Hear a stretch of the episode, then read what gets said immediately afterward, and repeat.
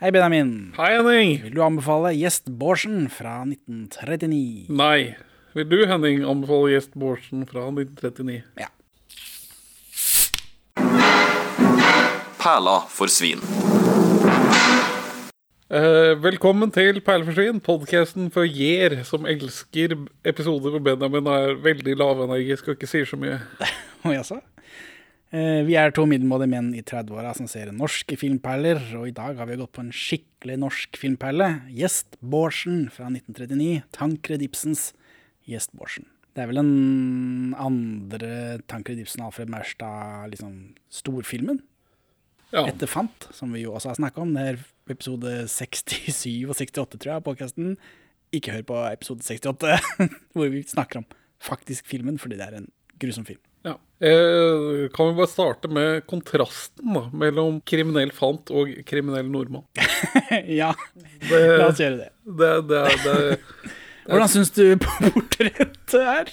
eh, det, det er jo litt mer Robin Hood og ikke serievoldtektsrotte. Ja, dette er jo en Robin Hood-fortelling. Enkelt og greit. Jespersen var jo en ekte person. En skurk og en tyverad som hadde rykte på seg for å rømme mye fra fengsler. Han levde i 1791, tror jeg, til midt på 1800-tallet. Eh, Men det lure han gjorde da, var når han satt inne på Akershus festning, var at han skrev sin egen selvbiografi. Ja. Og det var ikke så dumt for ettermælet hans. Nei, absolutt ikke. Så Det, han er mer en myte enn en person. eh, i hvert fall i filmen her. Men det er kommet noe sånn eh, Jeg tror på 2000-tallet, ja. begynnelsen av 2000-tallet. Så er det en eller annen bok om som liksom går i dybden på den ekte Jes Borsen, som om noen har tenkt på han siden Ja, og 1950. han er jo samtidig som mestertyven Ole Høiland. Ja, en Som film vi- som vi må se senere. Ja. Og det, han, ja, han øh, står seg jo som myte. Han er jo en passende figur for folk som er misfornøyd med det danske veldet og øh, Ja, det står det på Wikipedia, men jeg føler ikke det kommer igjennom så godt i filmen her. At dette er liksom midt i en brytningstid i, ø, i Norge.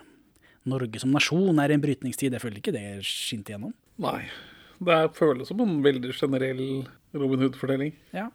Um, men Men ja, den senere forskningen da, fra denne ene personen jeg fikk gi med om han var en ekte historiker. Nei, ikke peiling. Eller en bare annen, titta på det så vidt, og så tenkte jeg ja, det Eller en eller annen prosessoperatør med en hobby som har skrevet den boka. her.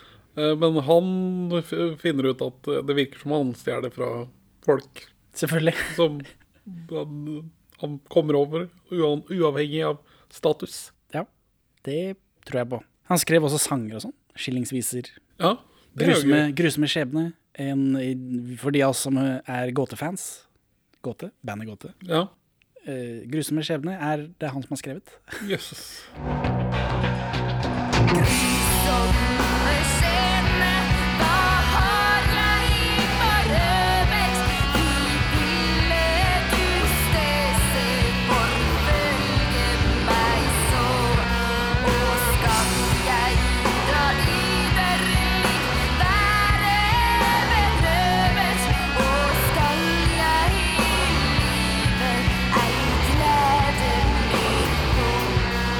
Gåtelåta er en, eh, en bearbeiding av det første verset, bare.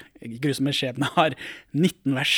Ja, det var, det var Når man ikke hadde noe lineær-TV å hvile seg på, så måtte Ja. man sitte og synge på buler. Men greia Gjest Bårdsen skriver grusomme skjebner for å eh, tilbake eller, altså, Han har krangla med kjæresten sin, og for å liksom blidgjøre seg med henne, så skriver han den, og første bokstav i hvert vers er, blir navnet hennes. Det er derfor det er 19 vers. Men eh, det bare Det så jeg og tenkte faen, grusomme skjebne, det har jeg hørt før. Det er jo godt låt. Og det, det var det. Og det er også musikk i forbindelse med denne filmen. Eh, Alfred Merstad, han gnukker jo fele, som kjent. Eh, og det ble utgitt en 78-plate med to av låtene her. 'Fjellsangen' og 'Svartrabben'. Som jeg regner med du satte stor pris på. Når jeg så Alfred Maurstad liksom dra fram fela og spille ordentlig, tenkte jeg det her, dette er grunnen til at folk går på kino i 1939. Det er dette de vil se. Ja, ja. Publikumsfrieriet Gjest Bårdsen. Påstand. Ja, men det er mye sånn meningsløs kammerprat òg, uten Alfred Maurstad. Og det føles ut som veldig meningsløs padding. Ja, De må liksom sette inn plottet. Jeg følte ikke det var så mye padding. Alt har jo med plott å gjøre. Bortsett fra den ene sekvensen hvor Jes Bårdsen drar et helt annet sted en stund, bare fordi filmen blir for kort, om ikke vi gjør noe mer.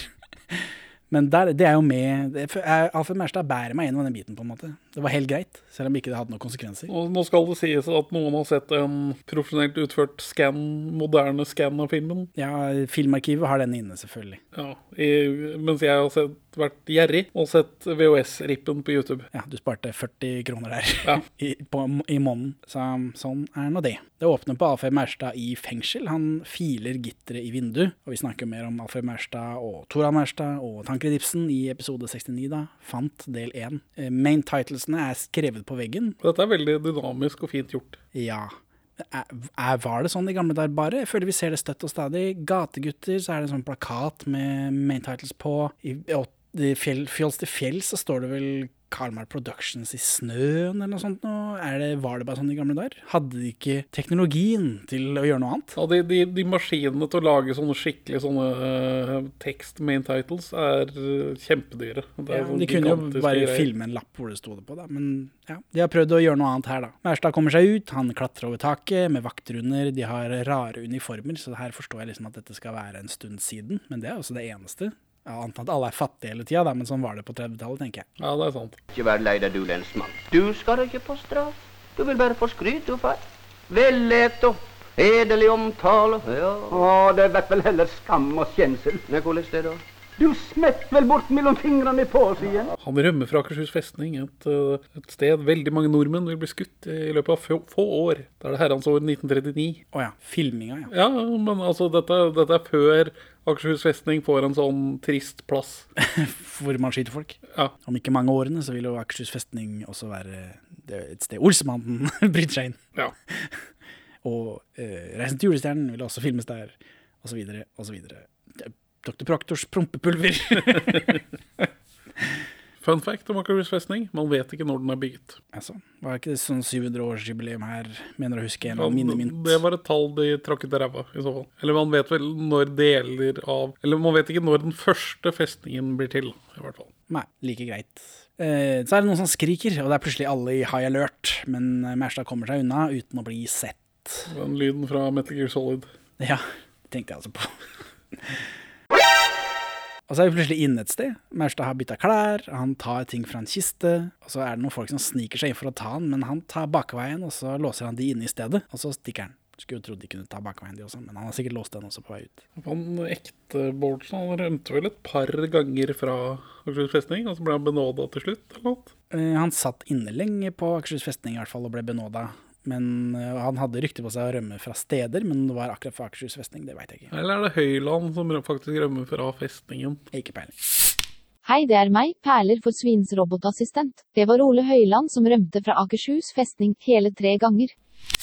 Så kommer Alfred Mærstad til et hus, Gjest Bårdsen kommer til et hus hvor han gir penger til noen fattige folk helt ut grunn. Og så spiller han fele. Gammeldans og greier, og så blir han arrestert. Ja. Så er det fem, fem minutter inn i filmen, så får vi vår første liksom, tale. Det er først nå de begynner å prate. Ja, jeg bare Hva er dette stumfilm? Nei, jeg hørte han skrike. ja. Gjest uh, Bårdsen snakker med lensmann. Lensmann syns det er kjipt å ta en sånn kul fyr som gjest. Men sånn er loven. da. Han syns det er kjipt at han kom, og, og at han kommer til å få kjeft fordi uh, Gjest Bårdsen kommer da til å rømme. Lensmann er, han synes, først så syns lensmannen det er kjipt at de må ta Gjest Bårdsen som er så kul. Så syns han også at det er kjipt at han kommer til å få kjeft fordi Gjest Bårdsen rømmer fra alle steder hele tiden. Gjest, er det navnet hans, eller er det tittelen hans? Gjest Borsen, det, det står overalt. Det står ikke noe annet. Men på 1800-tallet så kunne man kanskje velge seg et navn. Han syntes det var kult. Ja, nei, ja, ja, Normeringen av navn i Norge begynner vel ikke før på slutten av 1800-tallet. Vet ikke. Så da het alle bare sånn eh, Jostein, sønn av Palle. Eh, en, det finnes en pod som heter Henrettelsespodden, hvor de snakker om folk som har blitt henretta. Og der påpeker de flere ganger at det er på liksom 1700-1600-tallet det er en enorm navnefattighet i Norge. Alle heter Anne og sånn. Ja, Alle heter det samme. Men Gjest er det ikke så mange som heter. nei. Så det er mulig han har tatt det. Men eh, de lenker han eh, Gjest da, Gjest Bårdsen, de lenker han fast i en ambolt i en smie eller noe, fordi det har vært slakting, så arresten er full av Ja. slakt. sånn er det på bygda på 1800-tallet sikkert. Det føles mm, tror jeg det ut. Eh, gjest slår og bråker med, med hammer og utstyr og greier. da. Lensmann og assistenten hans drar for å finne mer kjetting. Den assistenten ja, han er litt sånn surere enn lensmann. Lensmann er jo veldig forståelsesfull overfor gjest eh, Bårdsen, mens er bare, eller assistenten er sinna. Når de kommer tilbake, så sitter gjest på taket av smia og erter dem, da. Han er en lur, tullete fyr. Ja, er Litt, litt som Fant. Fant. Fant jo også på Han tulla også en del, selv om han også er serievoldtektsmann. Ja, men Med, det er en sånn, eh, hva heter det, leprechaun. Det er noe sånn alveaktig over han. Ja. Han er en skøyer. Mm. Men er det Alfheim Erstad personen? Er det en skøyer? Jeg tror det. For det virker litt sånn. At han er en sånn larger than life entertainer. Ja, at det altså, om, han hadde- litt. Om han hadde levd i dag, så hadde han vært en influenser av rang, tror jeg. Altså ja. PewDiePie-typ. PewDiePie, felespiller og eh, skøyer. Ja. Ja, eh, ja. Lurt av Maurstad. Ja. ja, det er jo ikke sånn supermange Afe Merstad-filmer, egentlig. Men uh, Alle er husket. Trysil-Knut blir vel neste vi må se, da, for å liksom se om er det sånn at det er en persona som de lager film rundt, Ja. ja, alle he heter jo det tittelkarakteren, basically. basically. Øst og vest, heim er best, sa gjest, han satt i arrest. Jesper Borsen sitter oppe på taket der, og så uh, krabber han ned i pipa igjen da, og lar seg arrestere igjen, så ikke lensmannen skal bli lei seg. Så han er jo en hyggelig fyr. Ja, ålreit type. Her får vi noe exposition. Første gang en gjest ble tatt, så var han uskyldig, og etter det har han lovet hevn over øvrighet og fint folk. Det høres jo veldig fint ut. Ja, ja. Han lover å vente med å rømme til han skal transporteres, da, så ikke lensmannen skal få kjeft. Ja, Han blir jo en slags sånn superhelt da, med den typen origin story. Ja, det er uh, Le Miserable. Der òg er vel noe sånn han, eh, Hugh Jackman har vel stjålet noe brød for å fø sin døende niese. Ah. Et eller annet sånt. Søster, eller hva faen det var for noe. Der er, eh, det, loven eh, tar litt hardt i, og så blir folk sinte og skal hevne seg. Så uh, får, vi- er vi plutselig et helt annet sted, og så får vi se en vekter som drar en fyr som sier han er uskyldig, inn på et eh, politihus eller noe sånt nå, antar jeg. Eh, I Bergen, virker det som. Og så er det han Rumpe-Anders. Ja.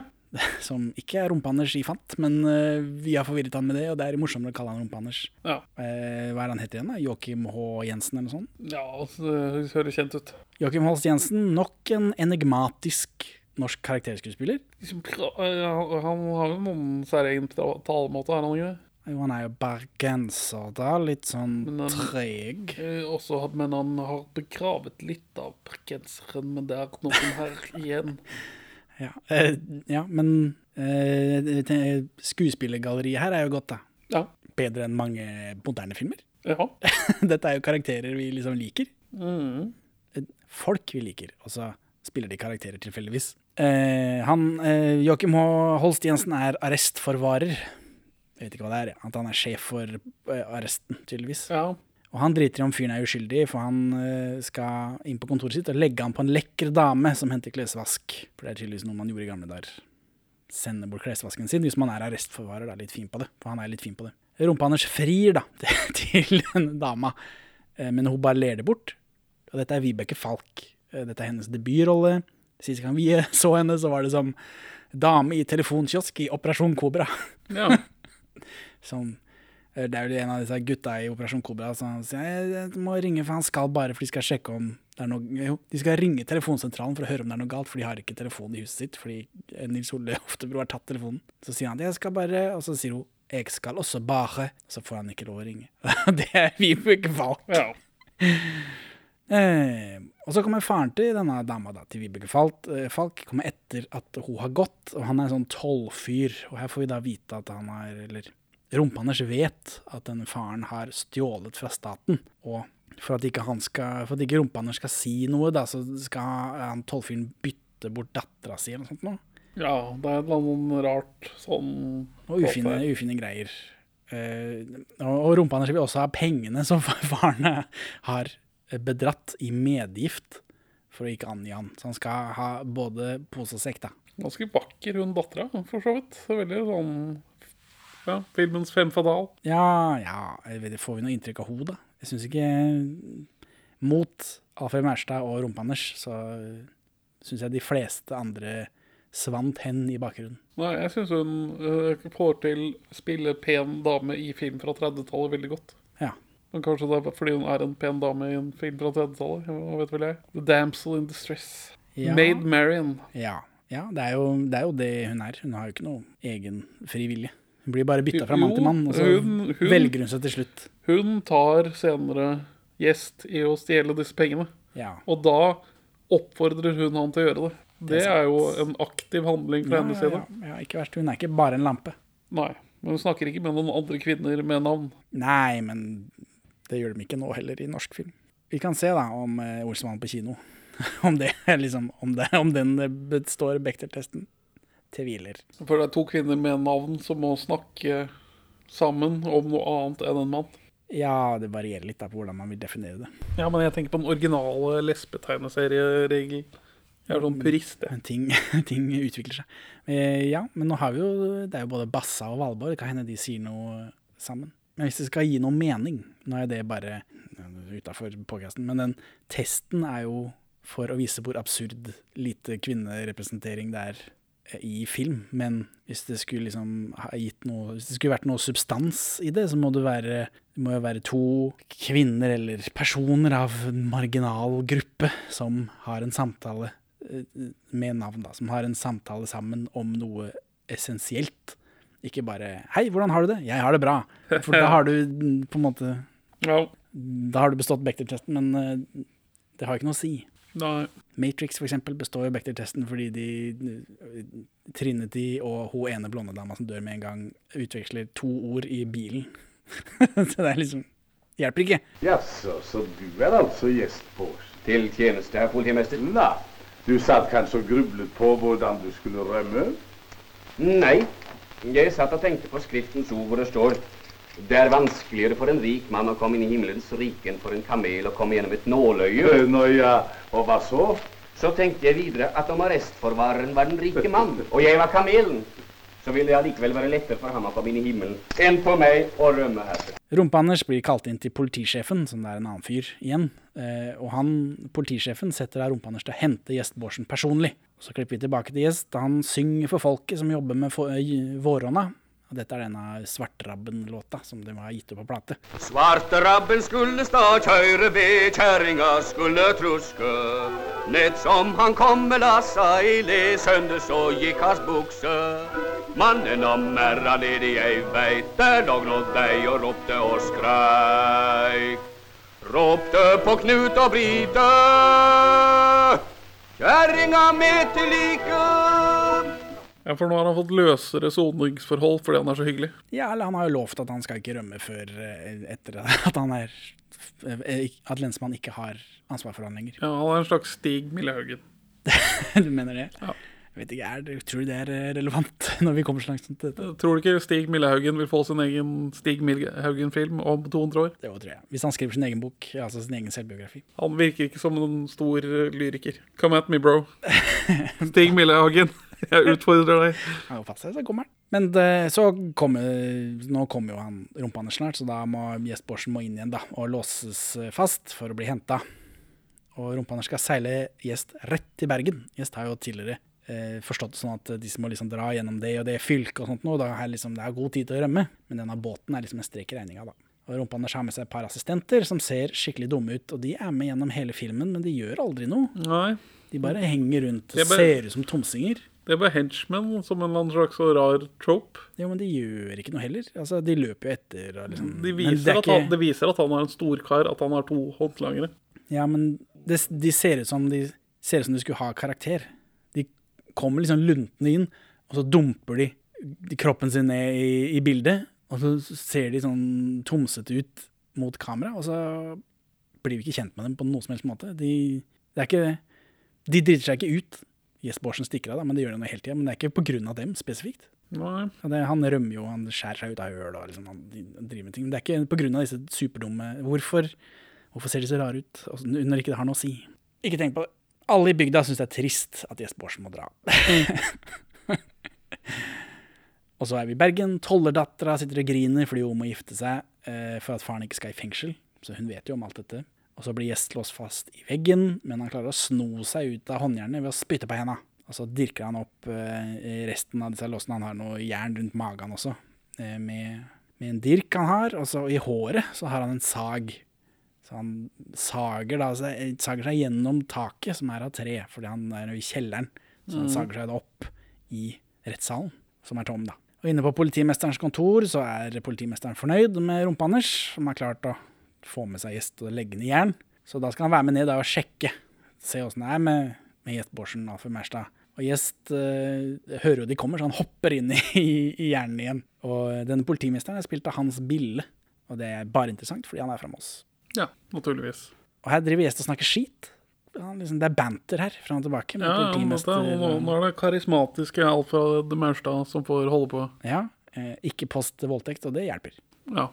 Det, det, da, da er det lettere å svelge. Ja, og her eh, er det meget god dåse, blir sagt. Ja, kjempegøy. Her blir vi introdusert for dåsa til rumpa-Anders, og jeg skjønte ikke helt hva det var. Jeg tenkte at dette er noe sånn 30-tallsdritt. Men det viser seg at det har noe, det er jo poeng med det senere. dette er en give-out, ja. Ja, Så det er ikke 30-tallsdritt. Det er ekte filmvirkemiddel. Ja, tydelig at uh, Tankred Ibsen har fortid fra Amerika. Det store Amerika. Eh, Rumpe-Anders er redd for at gjest eh, bare kan blåse på låsene eh, og få de til å åpne seg, siden han har solgt eh, sjela si til djevelen, som tydeligvis er det ryktet han har på seg. Ja. At han bare kan blåse på liksom, håndjern og så åpner de seg. Så jeg vet ikke, dette, dette solgt sjela til djevelen trodde jeg skulle bli mer, men det blir bare nevnt her. Det at han blåser på, Ja, blåser blir- på låsene blir nevnt flere ganger, men det har ikke Det blir nevnt én gang senere at han har solgt sjela si til jævelen, tror jeg. Jo, men eh, på 1800-tallet så syns jeg dette hørtes alvorlig ut, men eh, Ja, altså, han, kan bli, si. han kan jo bli brent. ja, for eksempel. Ja, jeg ser det er en meget god dåse. Rumpa-Anders skal hente enda flere jern, da, for han er så bekymra. Men Gjest rømmer før han kommer tilbake. Så han rømmer da opp etasjen over, og der kan han se ned på Rumpa-Anders og tolleren. Og her får liksom Gjest Bårdsen får også med seg denne planen, eller konspirasjonen, mellom disse to. Og tolleren skryter uhemmet av hvor, han har, hvor godt han har gjemt pengene. Det gjør han, og han, Rumpa-Anders vil jo ha han til å fortelle hvor han har gjemt pengene. Og han får det jo, får jo lurt det ut av han til slutt, da. Og dette får Gjest Bårdsen med seg. Det er egentlig det han er interessert i, ikke denne konspirasjonen. Så eh, det går Rumpa-Anders ned i kjelleren, og så oppdager han da at Gjest har rømt. Han blir helt fra seg. Og Gjest rømmer inn i et båthus med falsk vegg. Mm. Og inn i The Board Cave, som jeg valgte å kalle det. Board Cave, Bat Cave. Ja. Det jo, for Han går gjennom den falske veggen, og så er han plutselig inne i en hule i fjellet. Å ja, er det det som skjer, da? Ja, Skjønte du ikke det? Nei. Ja, for han har en, en, en hemmelig lab, liksom. Det er et hjemmested hvor han er trygg, og det sitter to andre nisser. to andre raringer. Som passer på tingene hans. Jeg vet, det virker som dette er hjemmebase. Ja, ja det, det er, Hvis man reiser litt rundt i Norge, så finner man sånne steder med sånn blue plaque. Ja. Hvor det er sånn det her gjemte, Blå plakett, som heter på norsk. her gjemte den kjente bla, bla, bla seg. Ja. Det fins mange sånne steder med sånne Så dette har sin rot i virkeligheten. Ja, ja, altså Dette er jo The Board Cave. Ja, det, poeng, poeng. Ja, ja, OK. The Guest Cave, jeg vet ikke. Ja, For det har ikke noe med B. Bat. Board. Bat, Board, Bordsen Cave. Inni der da, så er det to andre raringer som prøver å slå han ned, mm, før de ser hvem det er. At, å faen, det er Gjest, jo, vi er kamerater. De er visst venner. Det virker som de passer på tingene til Gjest når han er ute og holder på med ting. Ja. Så Gjest gir de alt tyvegodset som han har eh, stjålet, og så sier at det kan de selge, og så spre pengene utover fattigfolket. Kjenner du igjen en av disse skurkene, eller en av disse slumpene? Han mørkhåra er Martin Linge. Ja, ok. Ja, hvem er Martin Linge? Eh, kjent Englands farer. Ja, ikke han kommandant for Jo da, han Linge-gjengen. Det er ikke bare en fyr. Han var kommandosoldatsjef for de norske styrkene i England. Og ledet tokt i Norge til varierende hell. ja, han døde jo. Ja. Spilt av Petter Ness i Max Manus. Ja. Angående Angående Angående Jeg gjorde jo et poeng ut av den kontrasten mellom den norske skurken Gjest Bårdsen og Fant Maurstad. Fendrik. Ja. Eh, Men når jeg tenker meg om, så Gjest Bårdsen skal jo ha skrevet en bok om fantespråket. Ja, det Så, stemmer. så er han også en fant, men i godt lys. Han identifiserte seg vel kanskje litt med de da det, eh, folk på utsida av samfunnet, liksom. Ja. Kanskje det er noe med det å gjøre. Vanskelig å si. Men Men han, han, han blir ikke presentert som en fant i den filmen. Nei. Det kan vi vel slå fast. Ja. Men han har eh, vel ikke blondt hår, har han det? Nei. Han er ikke arisk eh, Alfred Mørstad. Han er jo mørk i håret. Sånn, Han kan vel være mørk i håret og arisk. Ut ifra hvilken um, mjøen du spør. Ryktet går i byen da om at Gjest Bårdsen har rømt. Samtidig så har Gjest Bårdsen kledd seg ut som en rik mann. Han skal hente disse pengene da, som han har hørt eh, er blitt eh, gravd ned. Og her får vi se en stygg, gammel dame med rar sminke i ansiktet. Ja.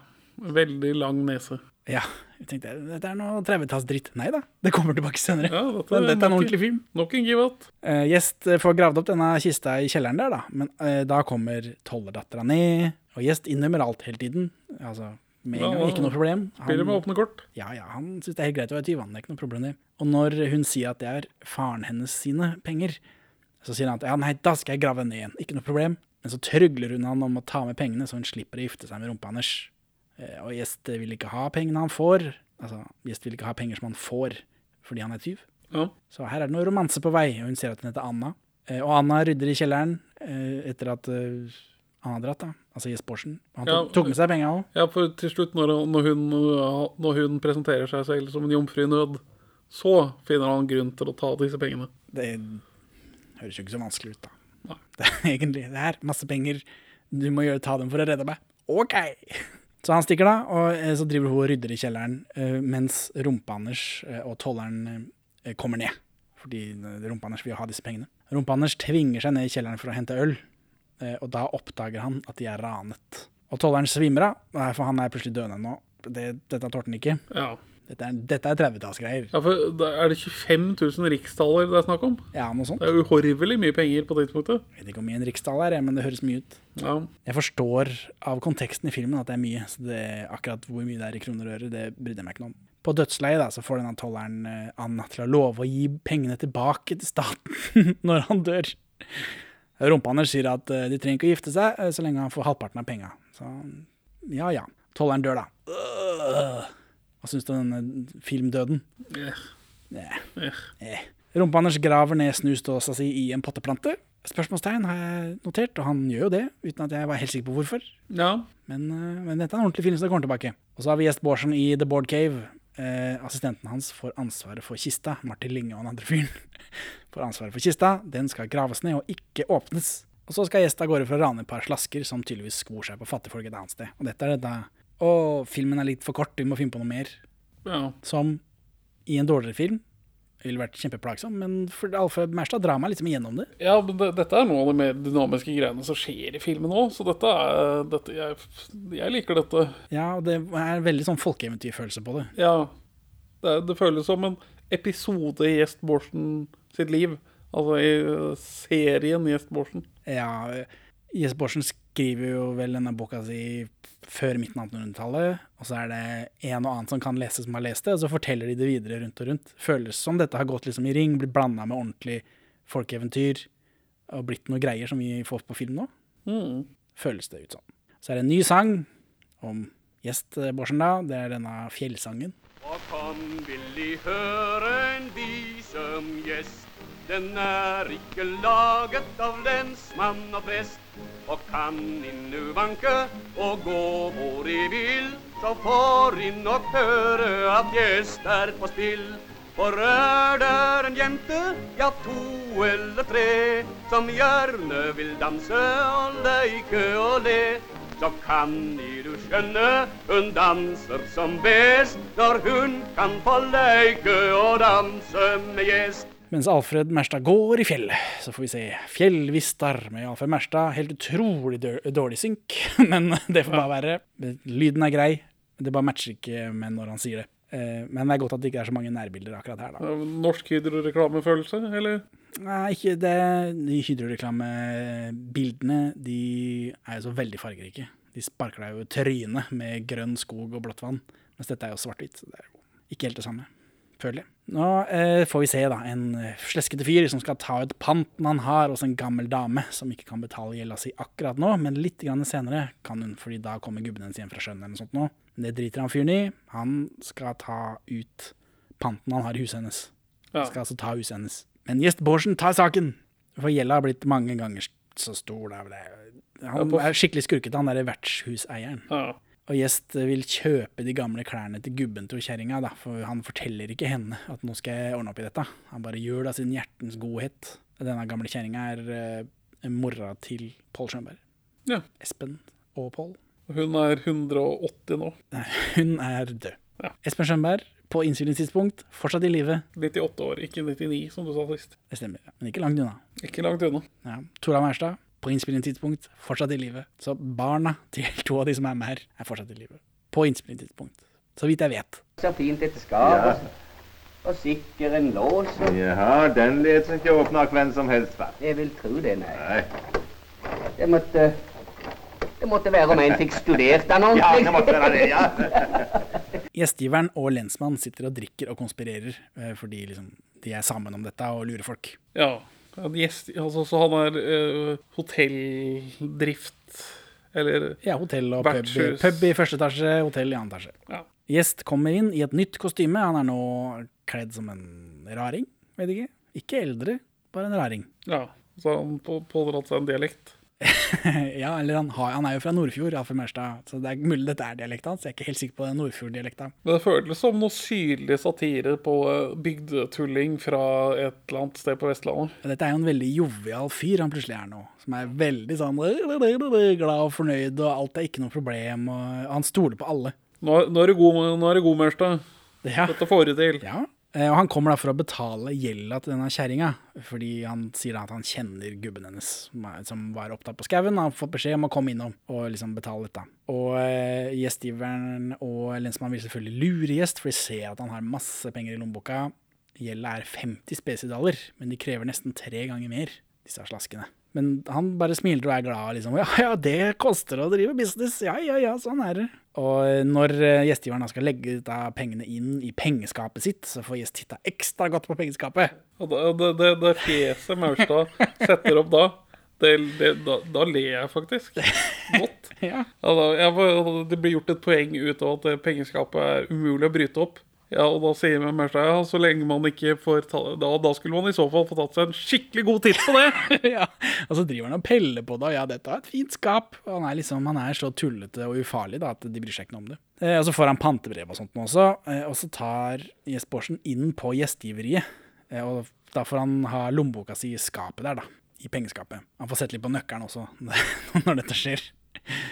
Og med en gang han går opp trappa, så sjekker de lommeboka hans, lensmannen da, og, og gjestgiveren, og han har 1000 daler. Det er jo veldig mye penger, tydeligvis. Men da har de tenkt å loppe han, da, og ikke bare ta de direkte. Ja, for de skal liksom ta, robbe han i kortspill, sier de her. Og så skjer jo ikke det, da. For det er andre ting som skjer. Dagen etter, gjest må ha lommeboka si, eh, men skapet er tomt. Shit, fuck. Og han har en kjempefull veske. Bare da. Ja, altså, eneste som ligger igjen, er en lapp med 'mange takk, gjest Bårdsen'. Og da prøver og så, Men fordi gjest, han, han for Mersa hadde lommeboka si i skapet, som nå har blitt stjålet, så prøver han å kreve lommeboka si tilbake av gjestgiveren. Altså verdien av gjest... For det er jo han som hadde ansvar for det. Når man driver sånn gjestgiveri, så kan man ikke bli rana. Du må ha, sier du ikke her, da, men i, nå om dagen så har man jo forsikring. Ja. Fordi man har ansvar for det. Så da prøver han å kreve lommeboka si tilbake av gjestgiveren, og gjestgiveren sier 'dra til helvete'. Freskt. ja, det er litt banning her. Det er et par fanen som blir slengt rundt. Ja, jeg visste ikke at de kunne banne engang, jeg, gamle der. Så eh, da løper de til lensmannen, da, både gjest og gjestgiveren. Og eh, gjest Bårdsen blir helt fra seg når han hører at det er gjest Bårdsen som har tatt pengene. Ja. Morsomt. Å nei, å nei, da får vi de aldri tilbake. Han klager også over at håndjernet til lensmannen er så ræva, og aldri kan holde gjest Bårdsen. ja.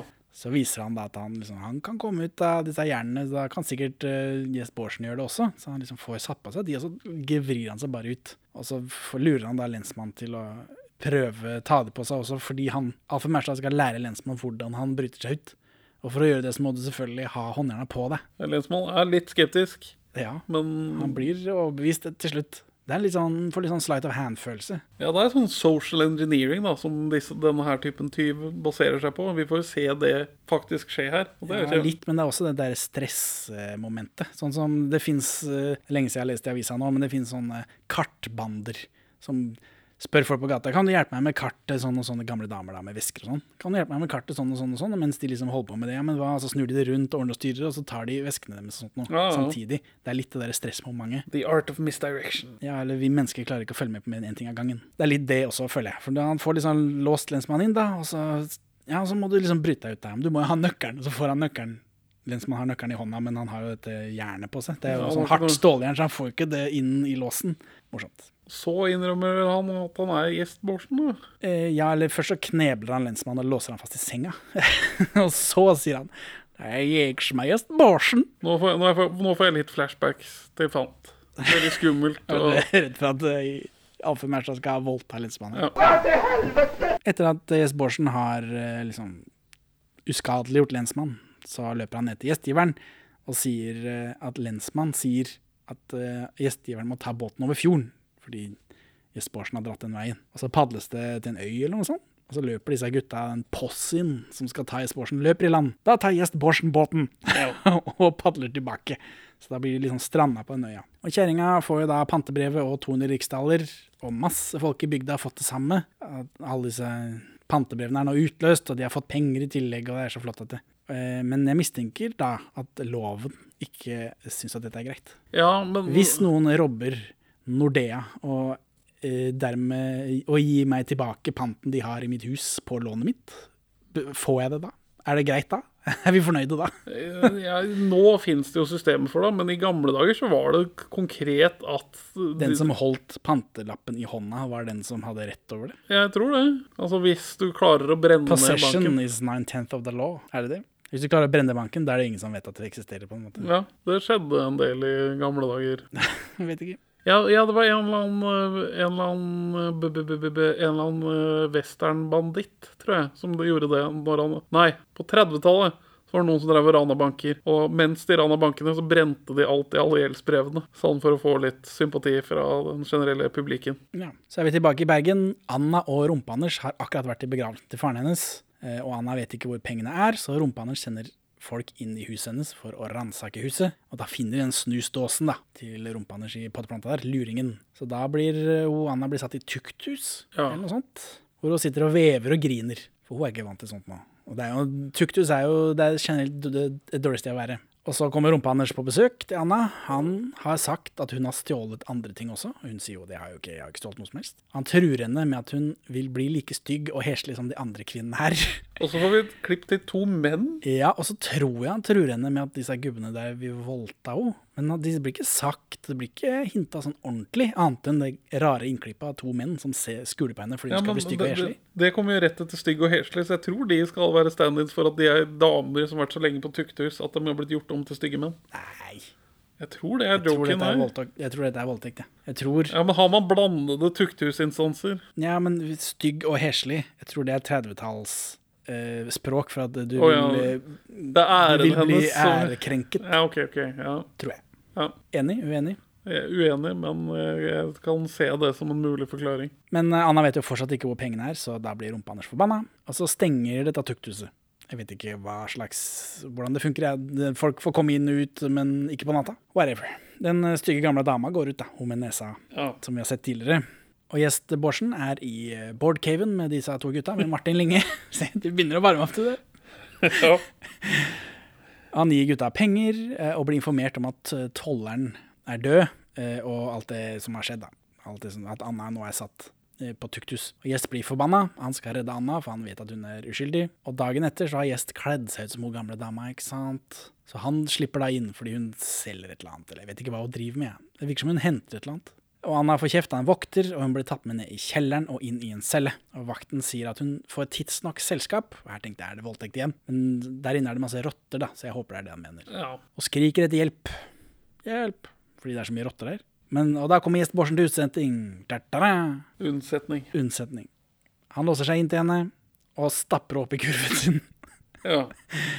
Og, og hun er oppi der i noen shot. Men ikke alle. Ja, nei, nei, men det er noen shot hvor Alfred Merstad liksom løper rundt med henne på ryggen. Ja, Men hun er jo en sylfide. Jo, jo, men han sklir bare over gulvet som ikke noe, liksom. Som om ikke han har noe på ryggen. Ta Beinhard. Beinhard fyr. Mm. De kommer seg ut, da. Eh, Og rumpa hans ser ikke gjennom forkledningen, han heller. Alfred Mørstad blir veldig sterk av alle filmene om å bære på ryggen, tror jeg. Det, det kan hende. Og så eh, skjønner rumpa Anders det når han kommer til tukthuset og får høre at Anna er borte. Her kommer en chase. En ekte chase-in. Fikk du eh, blod i halsen av dette? Pumpa Fikk du liksom opp pulsen? Ble du revet med? Nei, men det var jo noe. Det var jo litt spennende. Ja. Og så bytter uh, Jes Bårdsen mm, ja, bytter seg selv da, med den gamle dama, og hun også kan løpe som, som bare det. Det var litt rart. Jeg liker hvordan han hacker seg ut av den stengte festningen ved å si at å ja, hvis jeg skal være stengt inne her, så må vel dere spandere mat på meg. Å, dette er ikke noe veldedighetssted. Ja, Det Ut sier Vestborsen som gammel dame. Ja. Ut med deg, pop, og så blir han sparka ut. Politimesteren da, kjefter på rumpa hans. Anna har jo sluppet unna, Gjest Bårdsen har sluppet unna, alle slipper unna hele tiden. Det er jo, han gjør en dårlig jobb. Er dette noe arrestforvarende driver med? Hvem vet? Gjest Bårdsen, død eller levende, skal fanges. Og det går, går ordre til alle lensmenn om at her skal det jaktes. 300 daler satt på Gjest Bårdsens hode. Og så får vi se Gjest Bårdsen i nytt kostyme. Han er en gammel gubbe nå, på hest. Eh, hest og kjerre. Og Anna er kledd ut som en liten gutt. Ja. Og de blir stoppa av lensmann, eh, han som han knebla i stad.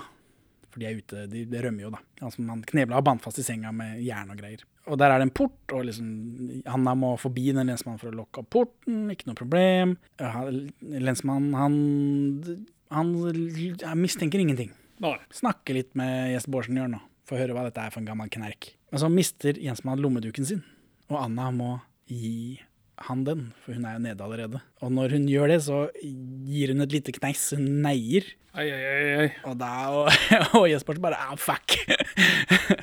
så nå kommer det en chase igjen. Nå er det råkjøring med hest og kjerre. Før de skroter vogna, da. Altså, så Gjest leier denne hesten med Anna oppå gjennom et piktoresk landskap. Anna er ikke så vant til å flykte, hun har vondt i rumpa og vil hvile litt. Gjest Bårdsen brer over henne og kysser opp i kinnet. Syns du blir du grepet av romansen her? Nei. Nei. Blir du? Nei, det er jo 30-tallet. Ja. Rumpe-Anders sier til lensmann at Gjest er omringet. Og Gjest og Anna blir jaget av masse folk i fjellheimen. Oppover fjellet i snøen og greier, og så aker de ned. Det vil si, Anna sitter oppå Gjest Bårdsen, og så aker de ned. Bruker hun han som akebrett? Det er sånn det ser ut. ja. Men det må jo være, han må jo ha noe annet under, så ikke så funker det ikke. Spørs jo litt på buksetypen han har, da, men Nja Vet ikke. Det ser rart ut i hvert fall. Folka løper etter, men de er selvfølgelig mye tregere enn disse som aker. Så er det mer løping i natur, de krysser noen farlige broer over noen elver, og så river Gjest broa, som egentlig bare er en planke. Eller Ja. to tømmerstokker som han sparker ned. Han er sulten, så Gjest må stikke og ordne noe å spise. Typisk.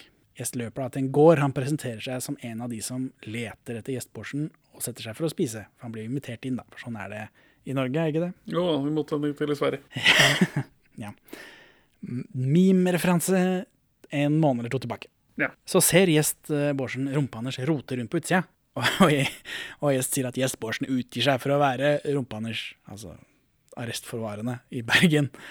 Så, da har han advart de Bårdsen har advart bonden om at liksom, hvis du treffer på en som sier at han er arrestforvarende i Bergen, så er det Gjest Bårdsen. Han driver og ut, utvider seg, utgir seg. Og så går han ut og med vilje lar seg bli sett av rumpa-Anders. Ja, men før det så er bonden er med, for for han kan heller ikke forstå hvorfor i alle dager skal arrestforvarende fra Bergen være liksom rote rundt i skauen her. Så det gir på en måte mening, at hvorfor i alle dager. Og så går han ut da, og, så, og lar seg bli sett, rømmer inn igjen, og så kommer jo rumpa-Anders og sier hei, hei, jeg er arrest for veien i Bergen, slipp meg inn, Jes Bårdsen løp den veien. og så da eh, tar bonden og gjengen hans, for det er alltid masse folk på sånne gårder, Ja. og banker dritten ut av rumpa hans. Morsomt. Anna blir glad for at Gjest kommer tilbake. Gjest sier at de kan ikke leve lykkelige før han har tatt sin straff. Så blir det noe klining. Ja. Ja, enig? ja. Så da, da går Gjest til han hyggelige lensmannen fra begynnelsen, da. Han som var Jeg syns det var trist at eh, han kom til å få kjeft fordi han skulle rømme. Eh, Og oversette han, så han kan få dusøren. Og så kommer det en Her kommer det dynamisk eh, grep. ja. Her får vi en bok med teksten 'Rettssagen mot Gjest Bårdsen'. Så får vi dobbelteksponering av at det blas i boka, samtidig som for hver side så er det en eller annen person som sier noe om Gjest Bårdsen. Enten eh, hvor snill og hyggelig han er, eller for en drittsekk han er. Så vi får den faktiske transkripsjonen av rettssaken som gikk mot ham? Ja, vi får liksom vitnemål for hver side. Det er noen dobbelteksponeringer og greier. Ja. Eh, Det er friskt grep til norsk film å høre. Ja, og i 1939 i tillegg, da. Så det er masse folk som liker han, folk som ikke liker han, folk vi har sett tidligere i filmen. Og så er vi i retten. Det er masse folk i, som, i publikum der som krever gjest frigitt. Og dommeren her er spilt av Johan Hauge, som under landssvikeroppgjøret ble dømt til to og et halvt års fengsel og rettighetstap i ti år. Ja. Og dommen kom på bakgrunn av medlemskap i NS og Kulturtinget. Så det er litt ironisk at han er dommer her, da. Kjempegøy. Anna blir kalt frem. Uh, hun sier at Gjest alltid vil hjelpe folk i nød. Gjest har tilstått og vært ærlig hele veien. Han vil bevise eh, at Anna er uskyldig, så han sier at Rumpa-Anders er skurken. Det stemmer jo, da. Gjest så snuståsen etter at Rumpe-Anders hevder at den ble borte, og politimesteren så det også. Ja, så han har et kredibelt vitne også. Ja, det er ikke bare denne skurken. Så kommer alt frem. Rumpe-Anders vil ha pengene, men Gjest hadde stjålet dem. Og så får gjest Martin Linge, hovkameraten fra Bårdcaven, til å levere pengene tilbake til dommeren. Så det er liksom greit, da, for han som har gjort det, er jo død. Ja. Og pengene er tilbake. eh, Og denne andre arrestforvarende skurken er liksom, han er tatt. Så blir Rumpe-Anders arrestert, mens alle i salen vinker og roper på gjest, mens gjesta blir ført ut. Mens Anna lener seg på døra og ser ut som hun får slag eller noe, men hun gliser lykkelig romantisk. eh, Skal sikkert være romantisk, da. Ser ut som hun får slag. The end. Nei, han blir jo Hæ? Har du sett en annen edit enn meg? Han blir ført ut. Nei, Gjest Bårdsen ble også dømt. Ja, det er det jeg sier. Uh, Gjest blir ført ut. Ja, og så ble han dømt, og sier dommeren at jeg måtte dessverre gjøre min plikt. Men jeg vil også skrive et brev til kongen og be om din benådning. Ja, jeg hoppa over en linje litt lenger opp her, ser jeg. Ja. ja. Dommeren tar på seg en hatt og reiser seg. Og så kommer dette. Gjest dømmes til kakstrykning, og så livstid i fengsel eh, i, i festningen. Men så, ja, det betyr noe helt annet. å bli dømt til kakstrykning i Trøndelag, ja. men eh, det er vel også sagt om både Gjest Bårdsen og eh, Ole Høiland at de har, når de blir internert, eh, internert når de blir satt inn i festningen, at de har kakstrykningsarr. For det er jo pisking. Husker jeg ikke feil, så sverget arrestforvareren på at han savnet sin gulldåse. Eh, ja, eh, Så unnskylder dommeren seg og sier at han skal sende brev til kongen om at han må fries og greier. Men han satt jo inne i typ 20 år eller noe sånt, nå, så det gikk jo ikke sånn superfort. Han skrev, tre, han skrev i hvert fall fem bøker, for en bok om seg sjøl er tre bind. Det er jo mye du skulle sagt. Og så alt dette, da. Gjest eh, blir ført ut mens Anna lener seg på døra og ser ut som en forslag, men det skal være romantisk. The end. Så Benjamin, hvorfor vil du ikke anbefale Gjest Bårdsen For det er jo fra en, 1939? altså, det er jo en kjedelig film fra 30-tallet. Og, eh, de- eh, Syns du det var kjedelig? Jeg syns det var kjedelig, ja. Den står jo ikke stille et sekund. Nei, nei, men det går fortsatt Den står ikke stille, men den beveger seg i musehastighet. Det, det eneste Det exposition-greiene med Rumpe-Anders og den der tollegubben, det Ja ja, men det er ikke så mye av det. Det er som å se på maling Alfred tørke. Maurstad er jo med hele tida her. Det er som å se på maling tørke mens Alfred Maurstad twerker inni hånden. Det er to eh, sånn chase scenes her. Ja, Både til fots og med hest og kjerre. Men, men ja, det er, dette, dette er filmhistorisk interessant, ikke filminteressant. Ja, du tar feil. Det kan jeg Det er ikke noen grunn, å se, eh, grunn til å se på svart-hvitt-film hvis ikke du har en podcast. Men hvis du først må se på en svart-hvitt-film fordi du har en podcast, så var dette helt ålreit. Så Henning, hvorfor vil du anbefale denne filmen? Jeg liker Alfred Mærstad. Han virker å ha en persona, som nevnt. Og så er det jovial musikk over scener som kunne blitt for seriøse uten musikk. Så det er tydelig at de vil ha en lett tone hele veien. Syns jeg det har fått til. Og så er det jo drivende. Det går fremover. Det er mye, mye bedre enn mye annet jeg har sett. Som en isbre. Nei. Ah, Så gærent er det ikke, men det er kanskje et kvarter ut av filmen hvor jeg er grepet, og resten sitter jeg og venter på at det skal bli ferdig. ah. Det kan være at det at jeg er litt deprimert for tiden. Kanskje om jeg hadde et, et, en brennende ild inni meg, så ville jeg blitt tent også av denne filmen. Ja, så det er helsevesenets skyld at du ikke liker denne. Ja. Den er ikke så slem og sint da, som fant. Nei. Trysil-Knut, nå har jeg lyst til å se mer jeg Tankredipsen av Fred Alfred Maurstad-filmer. Det er Tørre Snørstevold Henning mener her. Den er regissert av Tankred Ibsen. Trysil Knut er regissert av Rasmus Breistein. En tiebreaker, da. Fordi fant likte vi ikke fordi den var grusom. Men den går jo fremover, da. Det er, eh, det er bare temaet som er grusomt.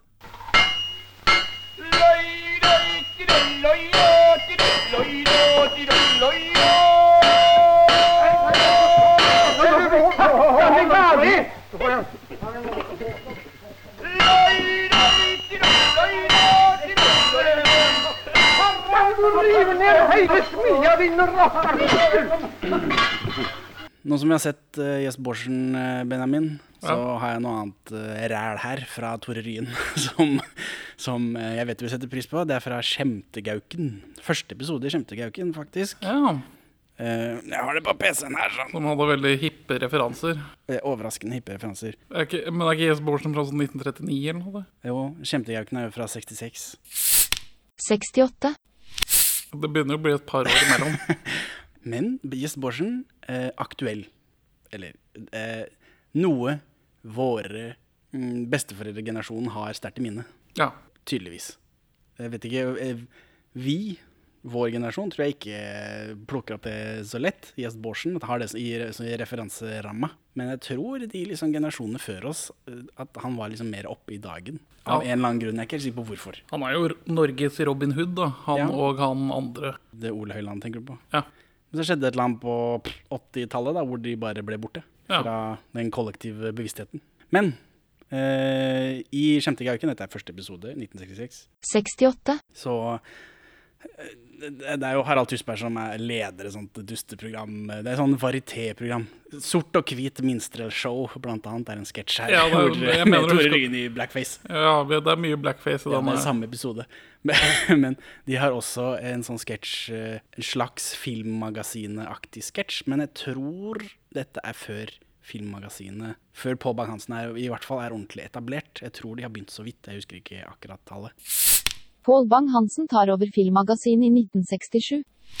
Han er ikke blitt den folkekjære filmhelten ennå. Nei, så jeg vet ikke om denne karakteren Tore Ryen her gjør, eh, når han sitter og viser fram liksom filmklipp, om, om dette er en ekte person som hadde denne jobben før, og så har, det, har Pål Bang-Hansen bare vært så utrolig parodibar i 40 år at han har blitt borte, denne eh, andre fyren. Eller om det bare er en karakter han har lagd, som er en sånn pastisj på litt sånn eh, kleine filmfolk som er glad i fin film.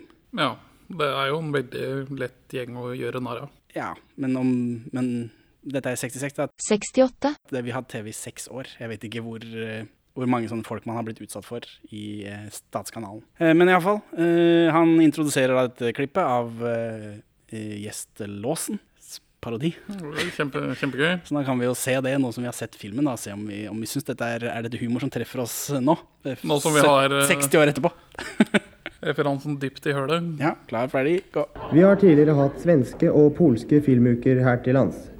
I Filmmagasinet denne gang skal vi kaste et kameraøye på den første norske filmuken som i disse dager arrangeres i Dubrovnik. I den anledning legges det ikke skjul på at av atskillige av våre hjemlige avantgardepionerer håper på internasjonale fjær til sine fra før så omfangsrike filmatiske hatter. Alt i morgen slår man an tonen med problemfilmen om Dilla. Deretter følger det ypperste av det Norge har frembrakt gjennom tidene. I første rekke den legendariske filmen om storforbryteren Gjest Låsen. Vi viser her et klipp fra filmen, hvor vi aner spor av både Lumière og Val Teufel.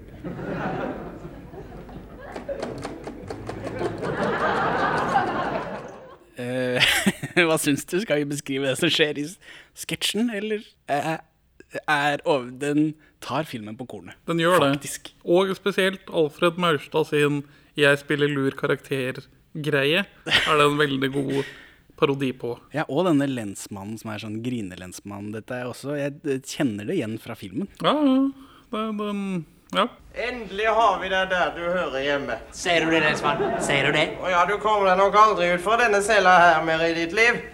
Tror du jeg kan trolle? Tror du ikke Gjert klarer å komme seg ut av disse stjernene her? Veit du hva jeg sier til disse stjernene her? Nei. Det sier jeg. vil, vil du beskrive sketsjen? Eh, Gjest Borsten sitter inne på en celle. Ja. Kjent bilde. Det skjer et par ganger i originalfilmen. Og så driver han og fikler med noe greier. Med tau. Og for mine moderne øyne så tenkte jeg wow, han skal henge seg, liksom. For han lager en sånn renneløkke. Eh, men, eh, men det hadde vært for sterkt for 1966-publikummet. Og så står det feilstavet 'lensmann er dum' på veggen. Og da går han og tagger på en til M. Og gjør det ferdig. Lensmannen er dum' med Ja, to M-er. enda dummere. Men han, han, har også, han driver også med noe greier i vinduet, og så driver han og fucker med lenkene sine. Han driver også og bærer på en sånn kule. Og så setter han seg klar. Og så kommer den sutrende lensmannen inn. Og så Det er først nå vi får personligheten til gjestlåsen, Ja. Som er ganske spot on fra Maurstad. Ja. Litt her eh, rask i replikken, men ikke like rask her, da, siden han er mer teit enn han Man, man har skrudd, eh, skrudd eh, Gjest Bårdsen opp til 11. Ja. Og så Ja, jeg kan trolle, jeg. Og så bla, bla, bla. Ja, Jensmann er veldig redd for at uh, Låsen skal rømme, som gjenkjent fra filmen. Og så sier han 'Å, tror du ikke jeg kan komme ut av disse hjernene da?' Og så kommer seg ut av hjerna. Et eller annet, et eller annet kjerringa solgte smøret til nordavinden. Ja, det, folkelig ordtak, Ja. tror jeg det skal være. Oi, oi, arme mann. Ikke gråt. Ikke gråt, lensmann. Skal jeg hjelpe deg? Hvis du gjør det? Skal jeg reparere for deg? Kan du det? Ja, det er min minste kunst. Ja, du lurer meg ikke nå, gjest. Hvem veit, hvem veit? Hun sa så kjerringa hun solgte smør til nordavinden. Og så begynner sutrelensmannen å sutre.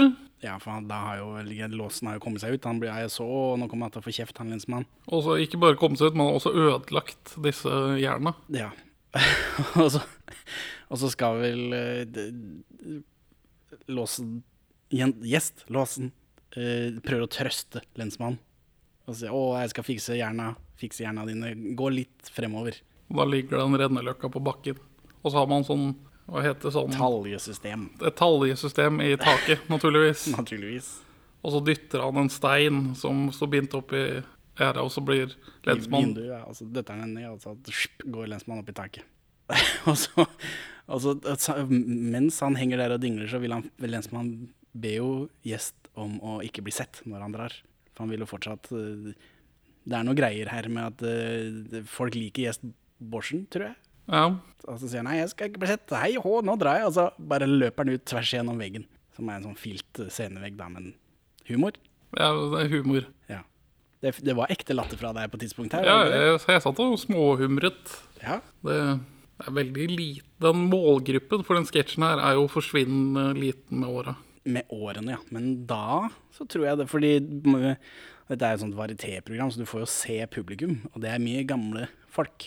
Det Ja, er men klart det- folk så jo ut som de var 80 når de var 40 da på 60-tallet. Men det var en sånn NRK-greie, var det ikke det? At man bussa rundt på pensjonister for å fylle Ikke peiling, men det er mye gamle folk der i hvert fall. Jeg føler i hvert fall det at alle, alle NRK-program i gamle dager som hadde publikum, så var det en overbefolket av gamliser. Jeg vet ikke, Det var jo gamlinger kanskje som brydde seg om dette. Jeg vet ikke, Man måtte jo være litt oppi åra for å ha råd til TV og alt dette greiene. Jeg vet da faen, jeg. Ikke peiling. Men ja, det var gjest. Låsen. Ha det bra, Benjamin. Farvel, Henning. Takk for at du hører på Perler for svin. Du finner oss først og fremst på perleforsvin.no, men også på Twitter under perler-for-svin, Facebook som perleforsvinpod, eller du kan maile oss på perleforsvinpod at gmail.com. Gi oss gjerne en eh, rating i din lokale podcast-avspiller, og, og legg igjen en beskrivelse, så folk skjønner hva det er for noe tull vi egentlig driver med. Her er ukas Pål Bang-Hansen-sitat ute av kontekst. Verden er full av barn.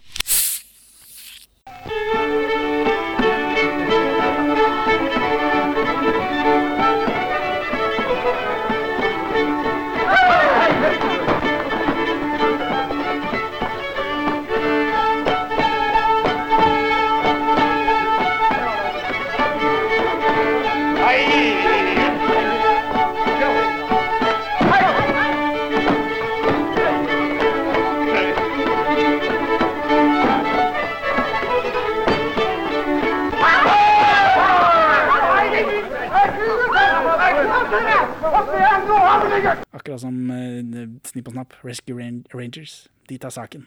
Onde skurker. Har ofte griseflaks, men to små ekorn får dem i bue straks, og de gjør en jobb for ingenting.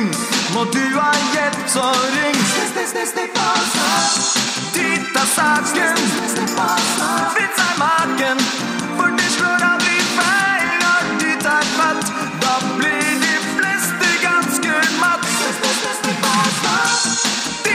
sauce.